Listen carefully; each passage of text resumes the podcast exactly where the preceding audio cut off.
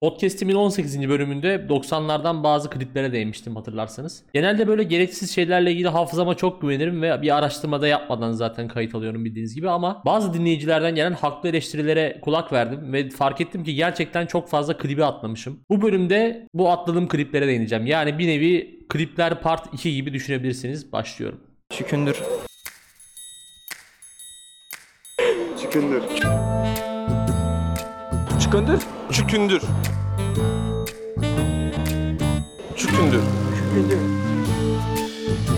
Şükündür. Onu da duydum ama şükündür.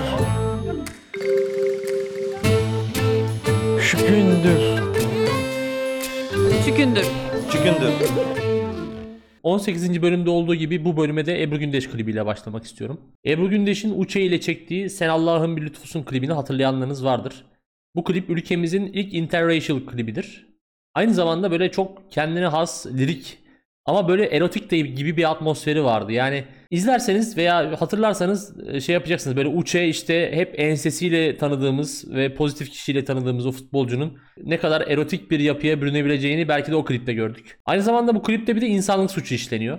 Klip boyunca Ebru Gündeş'in kucağında gayet mutlu mesut etrafa gülücükler saçan bir bebek var. Fakat bu bebeği Uçe'nin kucağına verdiklerinde yüzünü buruşturup ağlamaya başlıyor. Yani bu ırkçılık değil de nedir? Belki de o bebek şu an 17 yaşında falandır diye tahmin ediyorum. Yani 96'lı falandır diye tahmin ediyorum.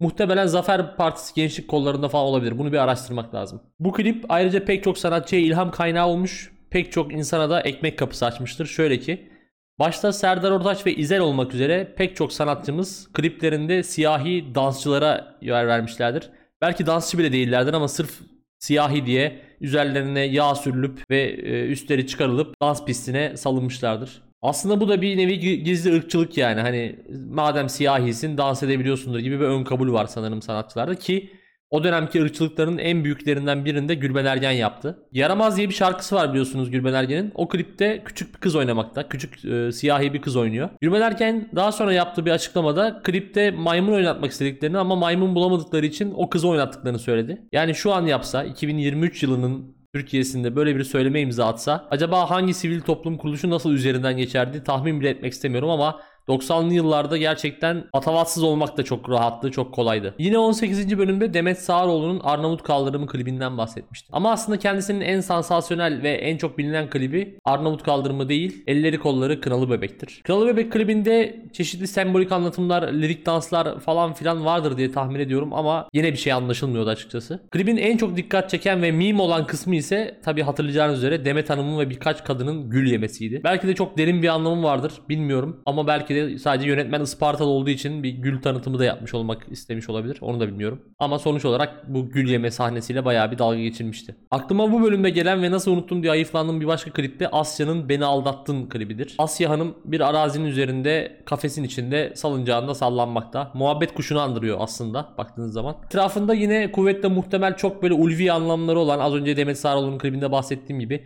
bizim anlayamayacağımız ulviyette şahıslar dans etmektedir. Ben bu Asya'nın kafesinde ne bir yem kutusu, ne bir su kabı, ne kafesin altında bir gazete kağıdı görebildim. Yani gerçekten mi? Bu kadın bütün gün orada hiç yemek yiyip su içmiyor mu yani? Bu nasıl bir yaşam koşulu? Gerçekten inanılmaz. Kliplerde biraz daha gerçekçilik arıyorsak bu tarz unsurları unutmamamız lazım. Sıra yerli One Hit şarkıcılarımızdan Seçil'in Uhde isimli klibine. Çok dikkat çeken bir klipti. Bir kere zaten Türkiye'mizde Red Hat kadınların e, yokluğunun derin olarak hissedildiği yıllardı ve Seçil'in çıkışı o açıdan çok etkiliydi. Klip ve yere batan sarnıcında geçiyordu. Yine böyle mistik öğeli. Yine danslar işte ney gibi tasavvufi enstrümanlar çalınıyor. Yine lirik danslar, yine mistik öğeler var. Yine bir şey anlamadık. Ama muhakkak yönetmen bir şey izah ediyordur o klipte. Biz anlamamışızdır diye tahmin ediyorum. Yani mekan güzel, kostüm güzel, şarkı güzel. İşte siz de arkada li- lirik lirik dans edin diye düşünmüş olabilirler. Güzel bir klipti ama. Bir dinleyicimiz İzel Çelik Ercan klibi hatırlamadığım için bana e, sitem etmiş. Nasıl hatırlamazsın demiş. Ama ben o dönemler 3 yaşındaydım. Sanırım ondan dolayı hatırlamamış olabilirim. Ama mesela Çelik'in Ateşteyim klibini gerçekten hatırlıyorum. Hani gerek giydiği ilginç kazaklar, gerek kafasına taktığı bandana, gerek böyle yaptığı dans ve hani çaldığı perküsyonla o da bayağı bir dalga konusu olmuş, mimleşmiş bir klipti. Biliyorsunuz o klipte giydiği kazakla işte iPhone menüsü benzediği için bayağı bir günümüzde de dikkat çekmişti o klip. Kültleşmiş bir 90'lar klibi de Mirkelam'ın Her Gece klibidir. Biliyorsunuz Mirkelam klibin başından sonuna kadar koşmaktadır. Kıyafetiyle olsun, e, altındaki ekoseli pantolon olsun, klibin siyah beyaz olması olsun çok dikkat çeken bir unsurdu o yıllarda. Bayağı bir gündem olmuştu hani hatta ana haber bültenlerinde falan bu adam nereye koşuyor falan diye haberler yapıldığını da görmüştüm. O şarkı da çok iyi olduğu için bayağı uzun süre Kral TV'de zirvede kaldı zaten. Ve hatta e, bi- biliyorsunuz bizde böyle bir şey meşhur olduğu zaman işte Dicle sürünmesi, Shakira kemeri falan gibi itemlar ortaya çıkar. O zamanlarda ekoseli pantolonları Mirkelam pantolonu diye satıyorlardı. Mirkelam'ın aslında diğer klipleri de güzel. İşte Kokoreç olsun mesela. Kokoreç'te işte şey underground bir organizasyon Avrupa Birliği'ne karşı gelip işte kokoreç yemeye çalışıyorlar. Hey gidi hey o zamanlar Avrupa Birliği'ne karşı çıkıyormuşuz düşünün. Ne büyük bir rahatlıkmış yani. Kokoreç'ten sonra mesela Kokoreç'ten önce Tavla diye bir klibi vardı mesela. Aslında Tavla klibi bildiğin şu, hani daha sonradan çekilen Kelebek Etkisi filmi gibi e, yapılan bir dikkatsizliğin nelere yol açabileceğini harika bir şekilde ve mizahi bir şekilde ortaya koyan harika bir klipti bence. Mirkelam'ın klipleri bayağı iyiydi. Yani duygusal klipleri falan da bayağı iyiydi. Mesela bu işte şey Hatıralar diye bir klip var. Mirkelam böyle tarihi olaylara falan tanıklık ediyor. Siyah beyaz yapmışlar. O da şeyi andırıyor aslında. Forrest Gump'ı andırıyor biraz. Ama yani özen gösteriyordu Mirkelam kliplerini onu söyleyebilirim. 90'larda bir de şu vardı tabi. Parası olan, imkanı olan varsa gidip Amerika'da klip çekiyordu. Tabi bunların başında 18. bölümde de bahsettiğim Tarkan'ın Ölürüm Sana klibi. Biliyorsunuz o bölümde daha ziyade BDSM vurgusu yapmıştım ama klip bir de Amerika'da geçiyor. Hatta klibin sonunda Tarkan New York'ta bir gökdelenin tepesinden atlıyor. Biz de oha asiktir lan nasıl atladı falan derken klibin sonunda bir çıkıyor. Ha meğerse Sundurma gibi bir yer varmış oraya atlamış. Daha sonra tabii Burak Kut'un o unutulmaz klibi Yaşandı Bitti Saygısızca var yine Amerika'da çekilen. Tam bir Amerikan klibi ya da hani bizim Amerika olarak algıladığımız şeyin klibi diyelim. Üstü açık arabalar, rampalardan uçan motosikletler, işte böyle yanan fıçılar, fıçıların içinde dans eden adamlar böyle underground bir ortam, terk edilmiş fabrikada yakışıklı adamlar dans ediyor falan. Maalesef bu klip çok özenerek ve çok kaliteli çekilmiş olmasına rağmen Burak Kut'un belki de son hitiydi. O kadar emeğe değdi mi bilmiyorum. Günün sonunda Burak Kut'u iddia bayinde gördük. Başka bir Amerika klibi de Rafet El Roman'ın macera dolu Amerika klibi. Klip galiba Mardin'de filan başlıyordu böyle doğuda. Memo diye bir çocuğa mektup yazılmış. Ama bu burası New York Amerika diye e, şiveli konuşturulan bir çocukla başlıyordu. O dönemde başta Telsim olmak üzere pek çok insan, pek çok yönetmen şiveli konuşan çocuk çıkarıyordu televizyona. Böyle bir şey vardı. Sinan Çetin falan da çok yapardı bunu. Rafet El Roman'ın klibi de yine Burak Kut'un klibine benzer olarak yine bizim Amerika olarak algıladığımız şeyi anlatıyor. Yalnız Rafet El Roman Amerika'nın adeta muhtarı gibi. Hani Amerika'yı tanıtıyormuş gibi. İşte burası New York Amerika, burası Texas Amerika, burası acayip macera dolu falan derken macera dolu dediği şey de boyuna gitar çalıyor ve hani amfisi falan olmayan bir elektro gitara badır bıdır bıdır bıdır çalıyor. Yani hiç aslında ses falan da çıkmıyor o aletten. Yani enstrüman çalanlar bilir. O enstrümana azıcık aşinalığı olanlar bilir yani çalmasına da gerek yok. Sanki bana bir Texas eyalet senatosuna girecekmiş gibi falan böyle eyalet övüyor, şehir övüyor. Son derece saçma bir şarkı ve klipti açıkçası. Şimdi de aklıma Canan Erçetin geldi. Türkiye'yi sallayan ilk klibi biliyorsunuz umurumda değildi. Sandalyeye ters oturan, hafif mini elbiseli, kızıl saçlı ve seksi bir kadın ki o dönemler işte yılın seksi, en seksi kadını falan seçilmişti kendisi. Bu klip aslında daha ikonik gibi gözükse de daha çok mimleşmiş bir klip olsa da benim aklıma kazanan klibi Hangi Aşk Adil 2. Çünkü bu klip gerçekten büyük cesaret isteyen bir klip. Klibin başında şöyle bir yazı geçiyor. Klip 3 Aralık 1995 günü hiçbir koruma olmadan çekilmiştir. Beyoğlu halkına saygılarla. Klip şöyle başlıyor. Canan Erçetin Galatasaray Lisesi'nin bahçesinden çıkıyor ve İstiklal Caddesi'nden Taksim Meydanı'na doğru yürüyor. Etrafında yüzlerce erkek. Çok sakıncalı gibi duruyor çünkü erkekler ayı gibiler. Yani baktığın zaman hakikaten bakışları bakış değil. En ön safta birkaç abi böyle onlara mu- mukayyet oluyor yani onları durduruyor falan filan. Ya bilmiyorum çok büyük bir travma da yaşanabilirmiş. Çünkü eğer gerçekten koruma yoksa sadece kamera varsa o insanların kameradan falan da çekineceğini pek sanmıyorum. Ama o klibi 3 kere de çekmişler sanırım. Canan Erçetin'in böyle bir röportajını hatırlıyorum. Instagram'a koyacağım. Siz de YouTube'a girip bakın. Gerçekten olacak iş değil. Böyle bir klip nasıl çekilebilir? Ve bu klibin remake'i yapılsa şu an İstiklal Caddesi'nde kafasında kırmızı kırmızı noktaları olan pek çok Arap olur ve o Araplar bu sefer Canan Erçetin'in peşinden yürürler. Bu arada tekrar tebrik etmek gerekiyor.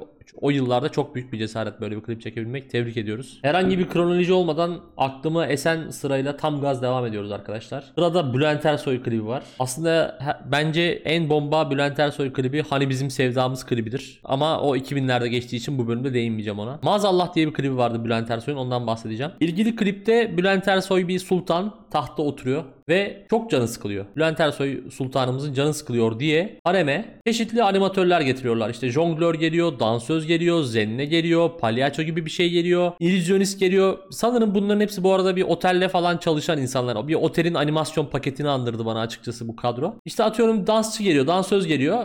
E, Bülent Ersoy e, Sultan dinlerken sıkılıyor ellerini çırpıyor ve dansözü alıp götürüyorlar. Akıbeti belli değil artık idam ediyorlar kafasını mı uçuruyorlar. O e, Bülent Ersoy Universe ve neler olduğunu biz de bilmiyoruz. İkinci plan olarak Bülent Ersoy bu sefer şarkıcı olarak bir de şarkı söylüyor. Biz de zannediyoruz ki bu normal bir klip. Hani biliyorsunuz çoğu klipte zaten şey olur. Bir tane normal hikayesi olan bir şey olur. İki de şarkı söylediği bir arka plan olur. Hani iki planlı çekilir bu tarz klipler. Birdenbire daha sonra Bülent Ersoy'un süt banyosu yapası geliyor. Sultan Bülent Ersoy'un ve süt banyosu yaparken yarı erotik bir şekilde beyaz bir perdenin arkasında vücudunun silüeti görünecek şekilde küvete giriyor ve süt banyosu yapıyor. O da bayağı mimleşmişti bu arada. Levent Kırcalar falan bayağı bir dalga geçmişlerdi bu sahneyle. Yalnız klibin sonunda çok ilginç bir pilot twist var. O da şu. Ee, şarkıcı Bülent Ersoy şarkısını bitiriyor. Daha sonra sahnenin önüne Sultan Bülent Ersoy geliyor. Meğerse Sultan Bülent Ersoy şarkıcı Bülent Ersoy'u dinliyormuş. O arada iki tane Bülent Ersoy varmış. Vay anasını ya. Şu sona bak. David Fincher, Christopher Nolan işinize bakın oğlum. Meğersem Bülent Ersoy sadece kendisini eğlendirebiliyormuş.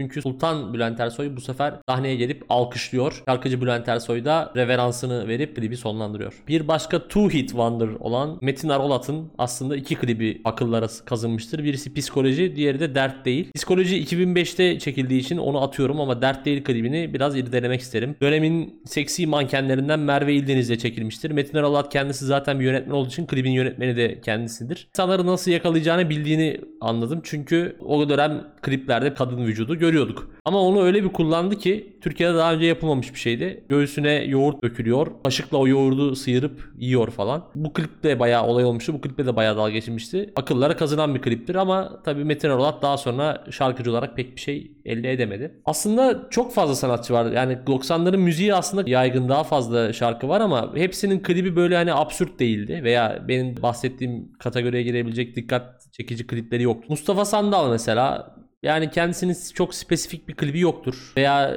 Kenan Doğulu hani daha ziyade kolyesiyle, imajıyla falan dikkat çekmiştir ama hani öyle şu klibi çok acayip dikkat çekti diyebileceğimiz bir klibi yoktur. Bir sımsıkı klibinde biraz hani bu suratta dönen eller falan biraz sanki dalga geçilmiş gibiydi ama neyse. Ama bence 90'lı yılların en güzel kliplerini Grup Vitamin çekiyordu. Az önce bahsettiğim ve 18. bölümde bahsettiğim çoğu klibi Grup Vitamin kliplerinde çok güzel hicvediyordu. Çok güzel parodilerini yapıyordu. Bütün klipleri birbirine çok güzel bağlıyordu. Gerçekten hani e, hem e, absürt hem komik hem de bir şekilde konusu olan bir absürtlüktü. Keşke Gökhan Semiz aramızda olsaydı kim bilir daha ne güzel klipler çekerlerdi. Neyse bu seferlik tamam. Tabii ki unuttuğum, atladığım klipler vardır ama emin olun hani benim gözümden kaçmıştır. Benim hatırlamadığım kliplerdir. E, Yapacak bir şey yok. E, Benim kafamdan bu kadar çıkıyor. Üçüncü bir klip bölümü çekmeyeceğim gibi duruyor. Görüşmek üzere. Bir sonraki partta sizlerle birlikte olacağım. Geçiyoruz. Bu bölümde anlatacağım olaylar biraz travmatik aslında. Hani çok böyle şakası yapılabilecek veya bu podcast'te anlatılabilecek konular değil normalde. Ama bizzat benim başıma geldiği için ve çok ileri boyutlara ulaşmadığı için hani gönül rahatlığıyla anlatabiliyorum. Çünkü bir travmaya dönüşmedi bende. Ama bir yandan da ne kadar ucuz atlattığımı fark edeceksiniz. Hani belki de çocuğunuz falan varsa nelere dikkat etmeniz gerektiği konusunda da belki bir ipucu verir size. Bu sefer olayları kronolojik olarak anlatacağım. İlk olayımız 2001 yılında falan gerçekleşti. O zamanlar ortaokul yıllarındayım. Dönemin skindirik internet sağlayıcılarından Xir var. O zamanlar işte e, fatura çok yüksek geldiği için günlük 1 saat internet hakkım vardı. Yoksa çok fena fatura geliyordu yani öyle söyleyeyim. Dolayısıyla internette geçirdiğim her dakika büyük önem taşıyordu. Artık hani o bir saatte Flash Berk'e mi girerim? Hani Noel dayımı seyrederim. Destroy Cartoon'a mı girerim? Mırç'ta sohbet mi ederim? Okey Yenter'de okey mi oynarım? Artık hani o anki moduma göre çok hızlı almam gereken bir karar oluyordu o bir saatte. Tabii o dönemler İngilizceyi yeni yeni böyle öğrenmeye başlamıştım ve geliştirmek istiyordum. Bir yandan İngilizce öğrenme hevesi, bir yandan da dünyanın her yeriyle iletişim kurabilme rahatlığıyla ICQ'dan yabancı insanları eklemeye başladım. İşte onları ekleyip selam veriyordum, konuşuyordum falan. İnsanlar çoğunlukla ekleme talebimi kabul etmiyordu. Kabul edenler de bir iki muhabbet ettikten sonra muhabbeti kesiyorlardı. Ancak bir gün Hollanda'dan biri beni ekledi. Tabii ben de sevinçle kabul ettim yani sonuçta yabancı biriyle İngilizce konuşacağım. Bir ortaokul çocuğu daha ne ister ki? Konuşmaya başladık işte 55-60 yaşlarında bir adam. Gayet güzel konuşuyorduk böyle futboldan falan bahsediyorduk. Çünkü şey e, bu bir futbol takımı varmış bunun Hollanda'da. Alt yaş grup futbol takımının antrenörü müymüş neymiş işte. Onları falan anlatıyordu. Karısıyla falan fotoğrafını attı. Gayet ton ton bir dedemiz yani böyle şey. Karısı da ton ton bir teyze. Hani zararlı bir insan gibi durmuyordu. Ancak maalesef olayın boyutu biraz değişmeye başladı. Çünkü bu amcamız o az önce bahsettiğim gibi futbol antrenörüydü ve bana şey falan demeye başladı. Sen de futbol oynuyor musun? Ha oynuyorum amca. İşte Hollanda'ya gel. Seni bir görelim. Belki bizim takımda oynarsın. Sanki şey yani Türkiye'den Hollanda'ya gidebilmek çok kolaymış gibi. Daha benim o zaman ya benim ailemde kimsenin pasaportu yok o zamanlar öyle söyleyeyim yani. E, hatta ben o yaşta daha İstanbul'u falan görmemişim öyle söyleyeyim yani ne Hollanda'sı işte şey geyik olsun diye söylüyordu herhalde bilmiyorum diye düşündüm. Her dayı he dedim geliriz falan filan. Daha sonra bu şey falan demeye başladı işte. Biz soyunma odasında çırılçıplak dolaşıyoruz biliyor musun işte biz birlikte duş alıyoruz bazen çocuklarla bazen bana yatıya gelen topçularım oluyor falan filan. Ana lan ne yapıyor bu falan saçma sapan bir yere evrildi olay. Daha sonra şey falan demeye başladı işte duş alırken birbirimizi de işte elliyoruz falan filan demeye başladı. Daha sonra yani falan diyorum böyle çocuğum daha bilmiyorum falan. Daha sonra şey IceQ'dan o zamanlar fotoğraf gönderilebiliyordu ama biraz uzun sürüyordu. Abi bana bir tane fotoğraf yolladı. Daha ben hani o ne olduğunu anladım az çok ve direkt engeli bastım. Böylelikle sanal anlamda da olsa ilk kez götü kurtarmış oldum yani. İkinci olay ilk olaydan yaklaşık 2-3 sene sonra oldu. Lise hazırlıktayım. O zamanlar basketbol kursuna gidiyordum. Eskişehir'de bilen bilir Besyo vardır şehrin dışında. Mutalıp köyünde. Oraya gitmek için otobüs bekliyorum. Saat başı Mutalıp otobüsleri geliyor. Köy otobüsleri. Ona binip gidiyorduk. Odunpazarı Parkı'nda bir bankta oturuyorum. Öyle otobüs bekliyorum. Yanıma bir tane adam geldi böyle eşofman takımlı bıyıklı bir adam. Hiç unutmam böyle uzun boylu. Böyle 40 yaşlarında falan. Nereye böyle delikanlı falan diyor. Hafif böyle bir aksanı var. K'leri G diye telaffuz ediyor falan. Ben de dedim işte basket kursuna gidiyorum falan dedim. Ne güzel ben de beden eğitimi öğretmeniyim dedi. Tabii o zamana kadar ki e, izlenimden olabileceğini düşündüm. Çünkü beden eğitimi öğretmeni gibi giyinmişti. Gerçekten eşofman takımın sadece beden eğitimi öğretmenleri giyer çünkü. Nereli olduğumu sordu. Söyledim işte. O ne pek güzel. İşte hangi okula gidiyorsun? İşte söylüyorum. O ne güzel. Yani ne derse ne dersem diyeyim. O çok güzel. O çok güzel diyor. Konuşma ilerledikçe bu onaylamaların neden olduğunu anladım aslında. Şey dedi. Günde kaç kere asılıyorsun? Hadi durup dururken amca yani fa- ha falan yapıyorum böyle hani çocuğum utanıyorum, sıkılıyorum, ne oluyor, ne bitiyor anlamıyorum falan. Daha sonra sende de şimdi ne dalga vardır ha falan diyor böyle. Ya falan hani utanıyorum, sıkılıyorum yine. Abi bir de bu nasıl soru yani pazar sabahı 7'de bir tane adam kaç kere günde mastürbasyon yaptığını söylüyor. Aynı zamanda penisini görmeden övüyor. Ya bir de şöyle bir şey var. Gerçekten bu tarz soruları bana hiç kimse gerçek anlamda sormadı bugüne kadar. Yani sadece o adam sordu mesela. Sizin okulda nasıl kızlar var? Şöyle miydi, böyle miydi falan filan. Yani adamın konuşması giderek manyamaya başladı. En son elini dizime koydu ve ben oradan fırladım otobüs durağına koştum. Daha otobüs gelmemişti. Etrafta da kimse yoktu. Yani takip etse falan belki sıçtım ama Allah'tan hani takip etmedi diyelim. Tabii ben bu adam hakkında sonradan düşündüm biraz. Ne yaptı? Ni- Yani kimdi? Neyin nesiydi? Pazar sabahı orada ne işi vardı? Başkalarını taciz etti mi? Belki tacizden daha ileriye gitti mi? Belki de şu an Twitter'da Hüseyin 43 57 63 81 falan diye bir hesap açmıştır ve Eskişehir civarı pasif var mı falan yazıyordur. Bilemiyorum. Ama bu sefer sanal anlamda değil gerçek anlamda götü kurtarmış oldum. Üçüncü ve son anımızda yine bir iki sene sonra lise 2 yılında gerçekleşti. Lise yılları benim için hani hayatımın en güzel yılları diyebilirim. Gerçekten çok eğlenceli, çok mutlu günler geçirdim. Ama tabii çok saçma olaylar da oluyordu. O zamanki Türk Dili ve Edebiyatı öğretmenimiz ben nasıl diyeyim böyle değişik bir elemandı. Diyeceğim ki hani o zamanlar ergendik. Belki böyle hani hocaya karşı asilik ya da ne bileyim hani karşı çıkma hissi, ergenlik, mergenlik falan filan mıdır diye diyeceğim. Yok yetişkin zihniyetimle, yetişkin aklımla diğer liseden arkadaşlarımla konuşup değerlendirdiğimizde gerçekten de adamın garip olduğu sonucuna vardık. Saçma sapan hareketleri vardı bu hocamızın.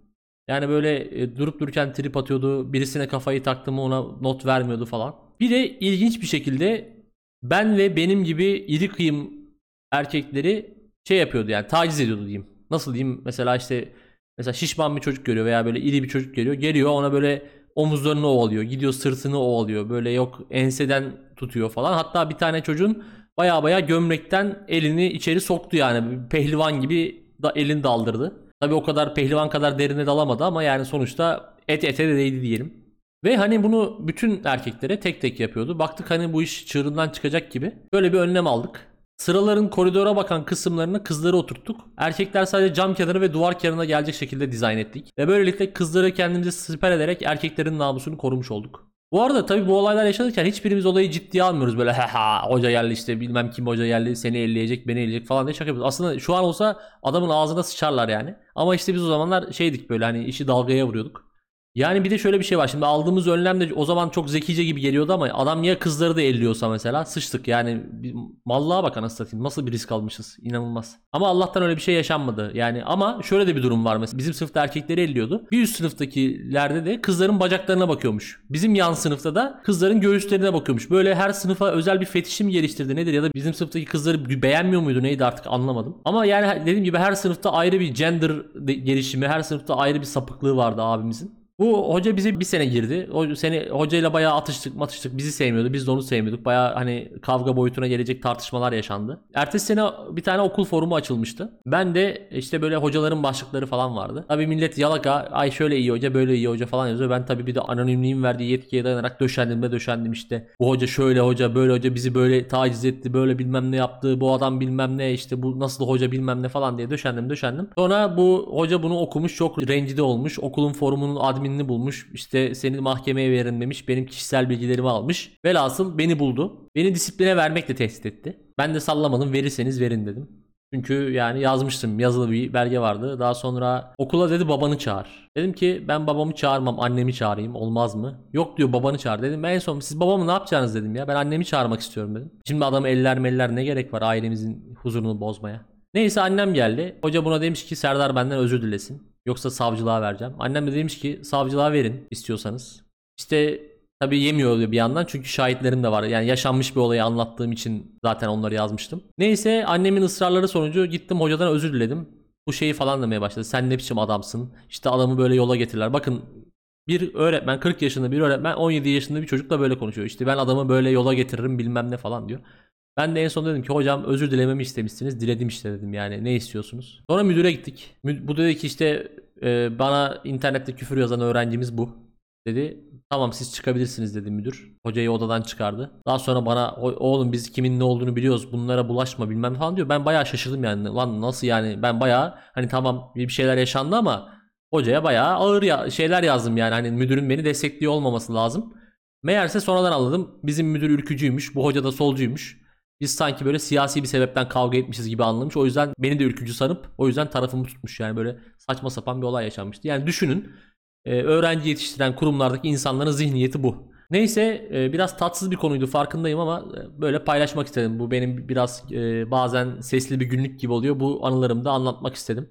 Bu arada yani gördüğünüz gibi 3 kere e, ucuz atlatmışız. Ondan sonra zaten yetişkin bir insan oldum ve bir daha öyle bir şey yaşanmadı. Ama gerçekten özellikle ülkemizde biraz dikkat etmek gerekiyor. Küçük çocuklara dikkat etmek gerekiyor. Yani çok zor. Özellikle kadınların işi gerçekten çok zor. Nasıl yaşıyorlar, nasıl e, tahammül ediyorlar. E, kendilerine güç kuvvet diliyorum. Ve umarım bu tarz konulardan kimsenin canı yanmaz. Gerçekten çok tatsız. Dediğim gibi ben o yıllarda bu işleri hep makaraya vurdum. Hep şakasını yaptım. Hani ciddiye almadığım için.